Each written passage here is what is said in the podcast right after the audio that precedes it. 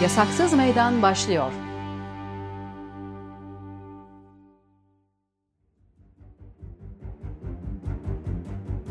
Arkadaşlarımızı ihbar edenler, suçlayanlar, talimat verenler, karar verenler ve bu hukuksuz, haksız kararları uygulayanlar hepinizi not ettik. Zalimin zulmedeninden hesabı sorulacak.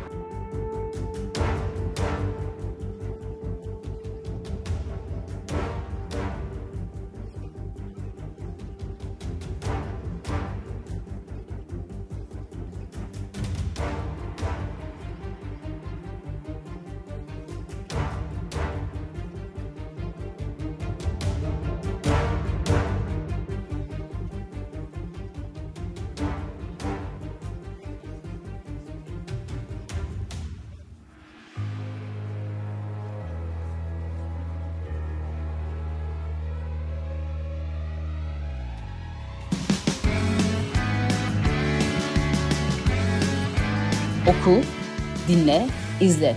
Kısa Dalga. Merhaba. Eşit Haklar İçin İzleme Derneği ve Kısa Dalga ortaklığında yayına hazırladığımız Yasaksız Meydan'a hoş geldiniz. Ben İrem Afşin. Bugün avukatların barışçıl toplantı ve gösteri haklarının nasıl ihlal edildiğini farklı avukat eylemlerinden örnekler ışığında konuşacağız. Konuğum ÖHD Özgürlük İçin Hukukçular Derneği eş başkanı avukat İlknur Alcan. Hoş geldiniz İlknur Hanım. Hoş bulduk. Teşekkür ederim zaman ayırdığınız ve programa katıldığınız için. Ben teşekkür ederim. Şöyle başlayalım. Avukatlar son yıllarda e, hem farklı grupların yani kadınların, işçilerin, gençlerin barışçıl toplantı ve gösteri hakları engellendiğinde polisle eylemcilerin arasındaydılar. Ama öte yandan sizin farklı nedenlerle, farklı amaçlarla yaptığınız kendi eylemleriniz de engellendi. Sizinle ilk konuşmak istediğim eylem uzun zaman 85 hafta boyunca devam eden adalet nöbeti. 6 Nisan 2017'de Cumhuriyet davası kapsamında gözaltına alınan ve sonrasında da tutuklanan avukatlar için başlatılan adalet nöbetinden bahsediyoruz. Adalet nöbeti 85 hafta boyunca Çağlayan'da bulunan İstanbul Adliyesi'nin önünde kesintisiz olarak devam etti. Şubat 2019'dan itibaren de nöbetin her ay bir baronun ev sahipliğinde farklı illerde gerçekleştiğini gördük. Fakat bu nöbetin en başında yani 6 Nisan 2017'de Çağlayan'da ilk nöbete polisin bir müdahalesi oldu. E, maalesef avukatlar darp edildi. 8 avukat gözaltına alındı. Bir avukatın burnu kırıldı. Bir avukatın ise ayağı kırıldı. Daha sonra bu ilk günden de ayrıca bir davayla da karşılaştınız. Onu da ayrıca konuşalım istiyorum. İlk olarak 21 ilin barosunun katılımıyla başlayan bu 85 haftalık nöbetin amacını, hedefini ve sizce nasıl geçtiğini biraz özetler misiniz? Tabii. Ee, adalet nöbetine başlamamızın asıl nedeni e, Cumhuriyet Gazetesi avukatları e, Bülent Tutku, Mustafa Kemal Güngör ve e, Akın Atalay'ın gözaltına alıp tutuklanmasıydı. E, aynı dönemde e, seçilmiş belediye başkanları ve siyasetçiler, avukat arkadaşlarımız e, gözaltına alındı, tutuklandılar. E, nöbet aslında o dönem e, o hal e, kararnameleriyle kısıtlanan e, gösteri e, yürüyüşü, ifade özgürlüğüne bir e, kısıtlamalarına tepkiydi. İlk hafta e, yaptığımızda da polis saldırısıyla karşı karşıya kaldık ve e, iki arkadaşımız yaralandı. E, sekiz arkadaşımız hakkında dava açıldı. E, ancak e, bizim şikayetimiz e, hakkında bir sonuç çıkmadı. Onlar da yargılama sonunda beraat ettiler. E, her hafta biz nöbet düzenledik Çağlayan Adliyesi önünde 85 hafta boyunca. E, bu 85 hafta boyunca Türkiye'deki hak ihlallerini biz aslında her nöbette dile getirdik. Her hafta o hafta e, Türkiye'nin genelinde nerede bir hak ihlali olmuşsa e, onu nöbet sırasında vurguladık. Çeşitli e, illerin baro başkanları ve çeşitli illerden avukat arkadaşlarımız nöbetleri e, iştirak ettiler. E, bir nevi aslında e, toplumsal muhalefetin sesi oldu. Çünkü biliyorsunuz o dönem e, çok fazla baskı vardı ve herhangi bir basın açıklaması, gösteri, toplantı yapma hakkı e, tamamen kısıtlanmış durumdaydı ve nöbet aslında e, biraz buna ses oldu, nefes oldu e, başlangıcı. E, o, o nedenle biz mutluyuz e, yani bu nöbetleri yaptığımızdan avukatlar olarak. E, çünkü daha sonra da nöbet illere yayıldı ve her birçok ilde yapıldı. E, o illerde de yine o o ay gerçekleşen o aylık olarak yapıldı. Aylık gerçekleşen hak ihlallerini biz kamuoyuyla paylaştık ve ilin genelinde yaşanan hak ihlalleri varsa örneğin Aydın'da yaptığımızda e, Aydın'da çok büyük çevre katliamları yaşanıyordu ve çevre e, katliamlarına karşı duran halk e, katılmıştı aynı zamanda avukatlarla birlikte. Örneğin Diyarbakır'da yaptığımızda Tahir, sevgili Tahir İtlişi'nin ölüm yıl dönümüne denk gelmişti. E, onu andık. E, Birçok farklı ilde bu şekilde nöbeti gerçekleştirdi. sesleniyorum. Arkadaşlarımızı ihbar edenler, suçlayanlar, talimat verenler, karar verenler ve bu hukuksuz, haksız kararları uygulayanlar hepinizi not ettik. Devren dönecek ve mutlaka ama mutlaka zalimin zulmedeninden hesabı sorulacak.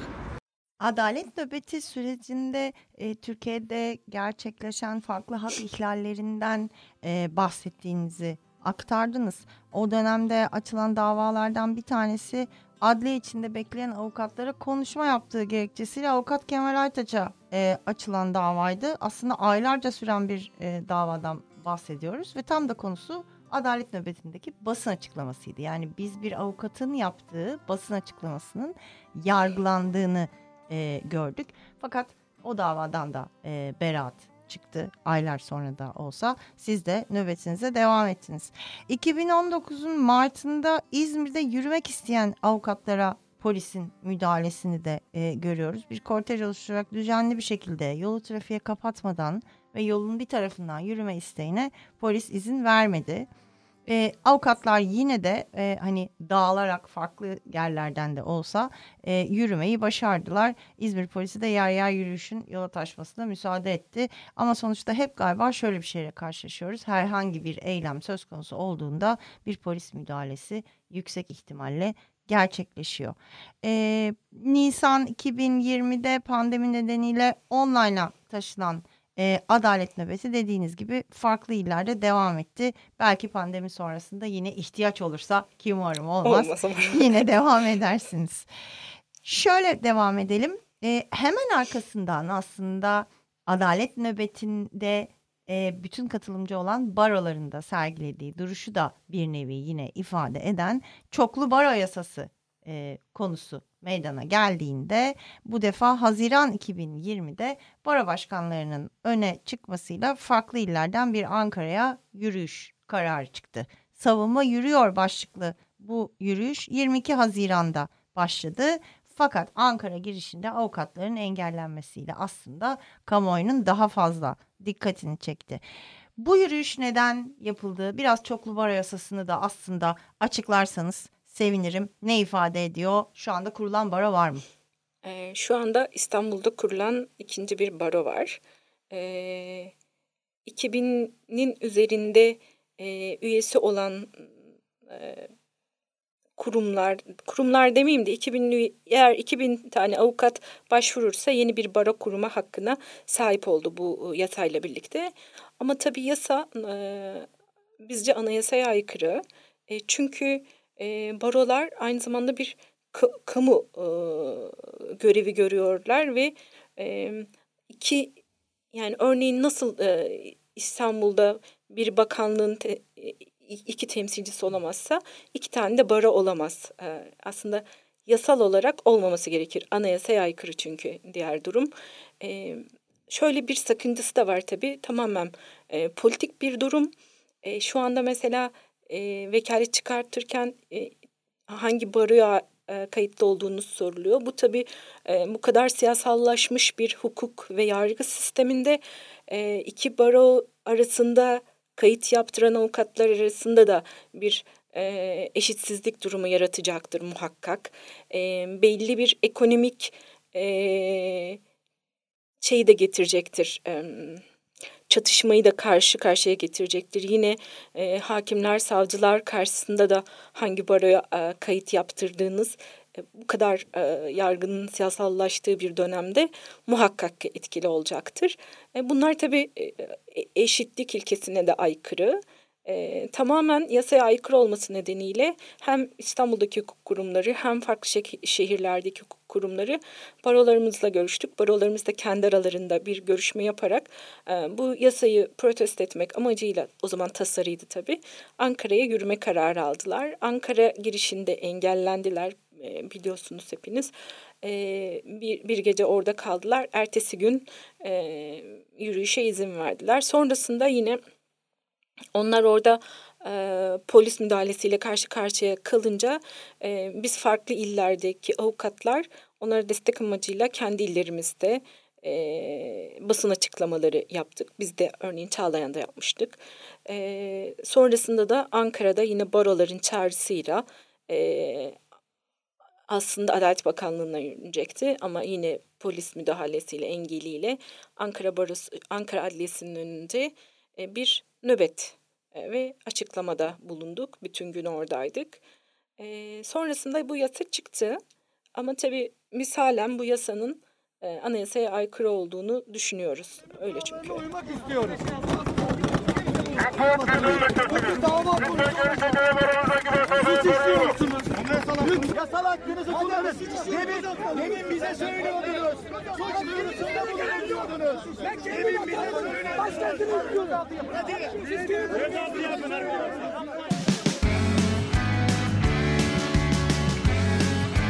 Oku, dinle, izle.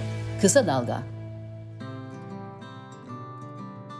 Biraz o dönemde özellikle Ankara'da karşılaştığınız engellemelere bakalım. E, çünkü aslında son süreçte bizim de eşit haklarda projesini yürüttüğümüz barışçıl toplantı ve gösteri hakkı ihlallerinde çok sık karşılaştığımız bir durum var. Valiliklerin veya kaymakamlıkların dönemsel belirli e, bir dönemi kapsayan şekilde engellemeler ve yasaklar getirdiğini görüyoruz. Nitekim 3 Temmuz'da yapılması planlanan sizin mitinginiz öncesinde bu kez Ankara Valiliği 15 günlük bir yasaklama kararı e, ilan etti. Ankara Adliyesi'nin önünde yapılan basın açıklamasına biber gazıyla ve yoğun polis müdahalesiyle engellendi.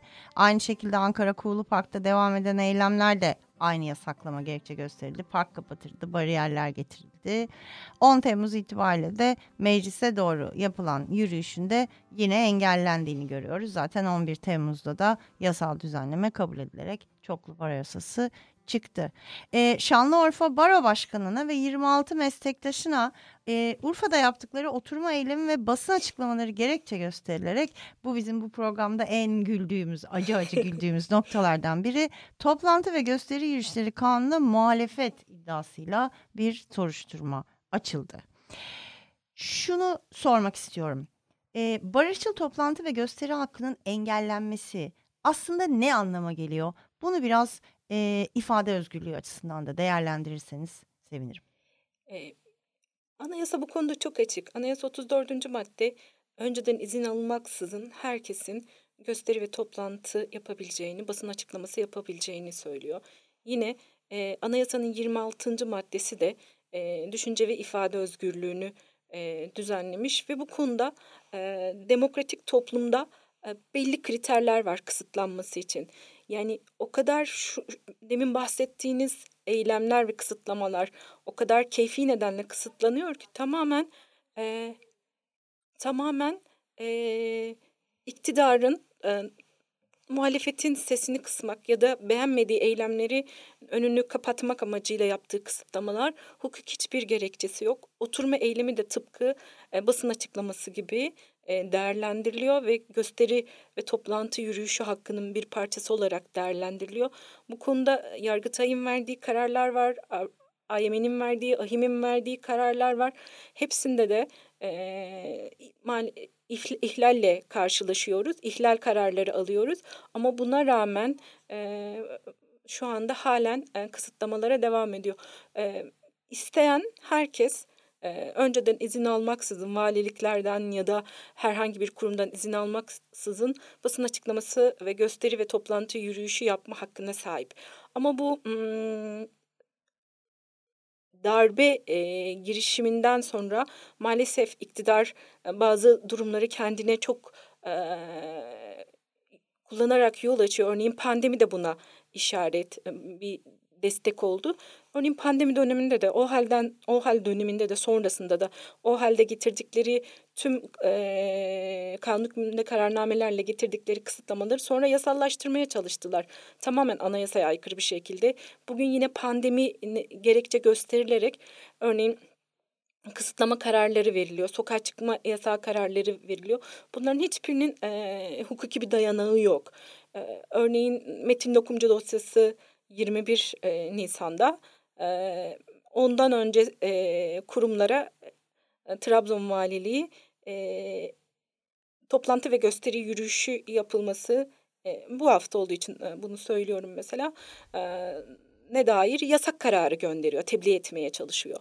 Yani bir yerde bir eğer bir muhalefet varsa, bir ses varsa e, o, o dönemin koşulları işte darbedir, e, pandemidir gerekçe gösterilerek e, bunların e, önü kapatılmaya, sesler kısılmaya çalışıyor.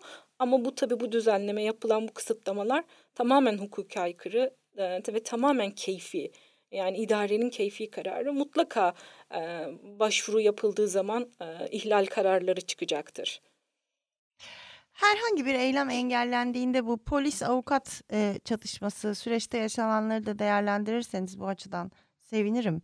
E, polis güvenliği sağlaması gereken devletin kolluk güçlerinden biri, avukatlar da savunmanın temsilcisi e, vatandaş nezdinde baktığınızda aslında her iki tarafında vatandaşa dair çalışması ve işlerini yapması gerekirken aslında tam tersine karşı karşıya gelen birçok eylemde de görüyoruz. Farklı grupların e, eylemlerinde işte çevrecilerden kadınlara kadar e, avukatlar bir şekilde polisle eylemcilerin arasında bir nevi kalkan bir nevi duvar görevi de görüyor zaman zaman. Hatta eylemin yasaklanması söz konusu olduğunda hepimiz şahidizdir ki hani avukatlar bir parti önce bir gidip poliste bir müzakere ederler. Nasıl yorumluyorsunuz bu polis avukat çatışmasını bu karşı karşıya getirilme halinizi? Aslında bu konuda özellikle yapıldığını düşünüyorum. çünkü ne zaman avukatlar bir açıklama yapsa yani kendim de bu e, bunun e, bu şiddetin faillerin şey mağdurlarından biriyim. Örneğin bir avukat arkadaşımız e, gözaltına alındı ve kendi geldi ifadesini verirken bütün avukatları mahkeme başkanının kararıyla dışarı atmaya çalıştılar ve mesela benim de ayağıma darbe aldım ve halen mesela sorunlar yaşıyorum ya da birçok arkadaşımız bu şiddetin mağduru aynı zamanda. E, özellikle yani bu konuda iletişimle çözülebilecek birçok meseleyi demin kendiniz de bahsettiniz. Örneğin çevre eylemlerinde, işçi eylemlerinde ya da herhangi bir hak mücadelesine ilişkin bir eylemde e, iletişimi e, halkla polis arasındaki iletişimi genelde e, düzenleyiciler arasında avukatlar varsa özellikle hukukçu olduğu için avukatlar yapar. Ama e, özellikle avukat eylemlerinde artık son dönemde e, iktidarın avukatları olan tepkisinden kaynaklı olarak e, polisin özellikle bir şiddet e, avukatlara karşı bir şiddet eylemine girdiğini görüyoruz biz. Birçok arkadaşımız bu konuda mağdur oldu, yaralandı, e, davalar açıldı ama maalesef e, polis şiddetinin örneğin e, Zeycan Balcı'yı biliyorsunuz e, beli kırıldı ve halen yargılaması yapılıyor. E, bizim şikayetlerimiz daha geç, davalar daha geç açılırken, e, yargılamalar daha uzun sürerken e, polislerin e, bizler hakkında açtığı şikayetler hemen e, davaya dönüştürülüyor, hemen işleme konuluyor. Bu özellikle iktidarın bir e, bilinçli bir politikası olduğunu düşünüyorum. Her iki e, kesimi bir karşılıklı bir e, birbirine e, karşılıklı getirme politikasının özellikle yapıldığını düşünüyorum. Baskı ve tehdit altında görevlerini yapmaya çalışan ve keyfi bir şekilde cezalandırılan meslektaşlarımızla gazetecilerle ve haksızlığa uğrayan herkesle dayanışmaktan güç ve umut aşılamaktan vazgeçmeyeceğiz. Bitirirken e, biraz da şunu konuşalım. Hedef gösterilen, engellenen, yargılanan hatta hüküm giyen avukatlar oldu son yıllarda. E, adalet talebiyle açlık grevi yaptığı için hayatını kaybeden avukat Ebru Tinti'yi de analım isterim. Son yıllarda savunmanın genel olarak engellenmesi, demin siz de bahsettiniz mahkemelerde iktidar kaynaklı farklı bir yargılama sistemi var. Neredeyse hukuktan dönem dönem bahsedemediğimiz duruşmalar, davalar yaşıyoruz. Son yıllarda savunmanın engellenmesini, sesinin kısılmasını neye bağlıyorsunuz? Nedir sizce buradaki hedef?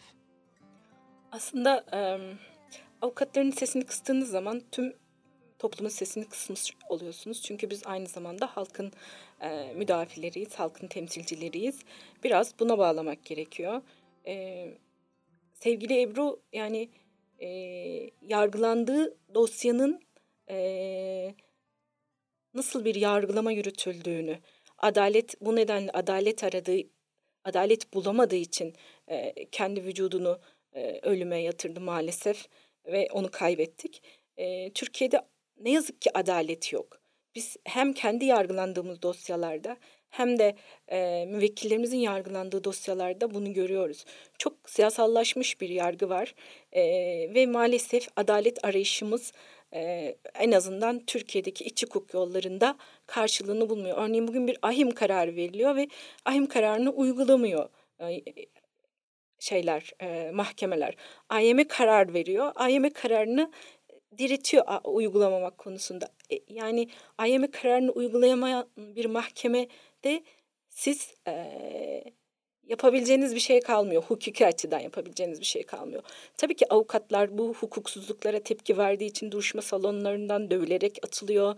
E, haklarında örneğin yaptıkları savunmaya ilişkin bugün haklarında dava açılan avukat arkadaşlarımız var. Yani mahkemedeki savunmalarımız bizim e, normalde e, hakla, şeye dahil değil. Haklarında dava açamazsınız yaptığınız savunmaya ilişkin. Dava açılmaması gerekir hukuken.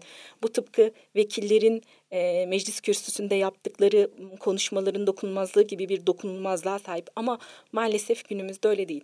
Müvekkilinizi savunduğunuz için e, hakkınızda dava açılıyor. Örneğin e, Çağlayan'da e, hakimler, savcılar kokteyl verirken işte e, kan e, toplanırken, Kızılay kan toplarken, orada e, toplanıp basın açıklaması yaparlarken iç girişte, örneğin avukatların basın açıklaması yapmasından dolayı e, bugün propaganda gerekçesiyle Ankara örneğin Ankara Gar katliamı nedeniyle e, protesto e, yaptıkları için adliyenin içinde bugün avukat arkadaşlarımız propaganda ile yargılanıyorlar. Propaganda suçlamasıyla yargılanıyorlar.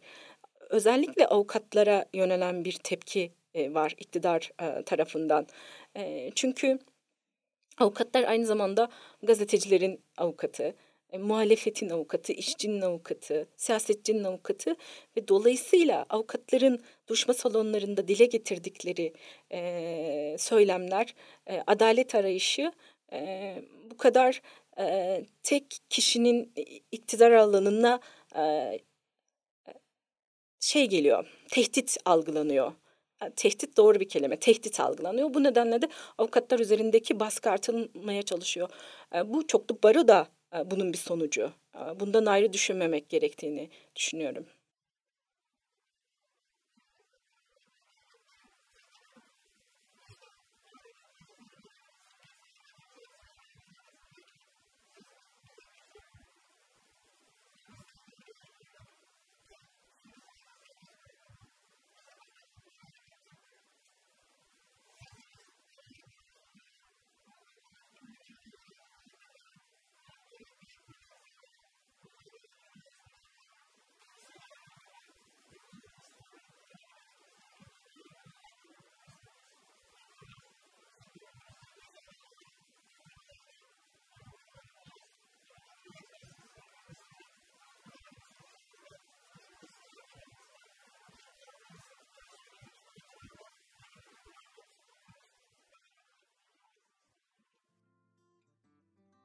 Peki pandemi sürecindeyiz. Şartlar malum. Ee, biraz da sizin de bahsettiğiniz gibi Covid-19 önlemleri nedeniyle de e, düzenli olarak engellenen barışçıl toplantı gösteri hakkından bahsediyoruz bu programda. Nitekim önümüzdeki 1 Mayıs sürecine bakıldığında da İstanbul Valiliği'nin 17 Mayıs'a kadar kent genelindeki tüm eylemleri yasakladığına dair bir kararı da dün gördük.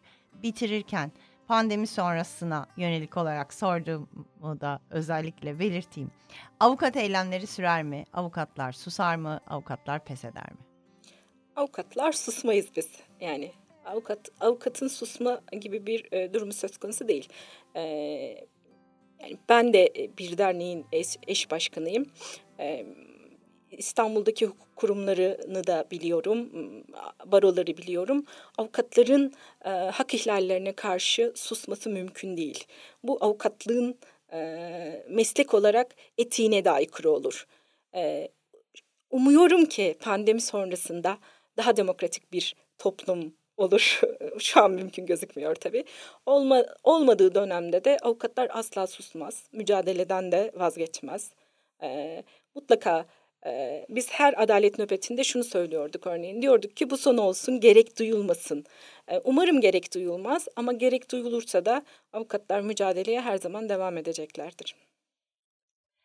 İlk Hanım çok teşekkür ediyorum vakit ayırıp programa katıldığınız için, güzel özetiniz için. Hep birlikte hakkı savunmaya devam edeceğiz. Biz de her zaman ses çıkaran avukatlarımızın yanında olacağız özgür basın olarak. Çok teşekkür ederim. boyunca baskılara, keyfiliklere, hukuksuzluklara karşı direndik.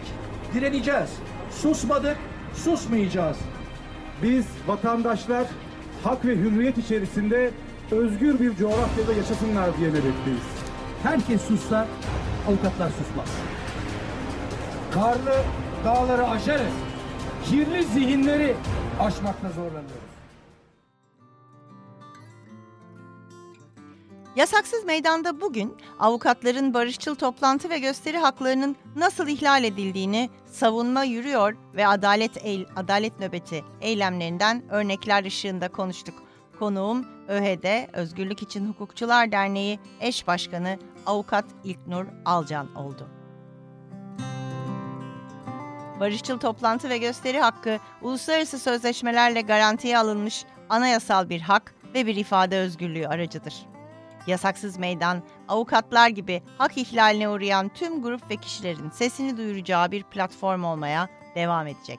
Bize esitaklar.gmail.com mail adresimizden ulaşabilirsiniz. İki hafta sonra yeni bir yasaksız meydanda görüşmek üzere. Bizimle kalın.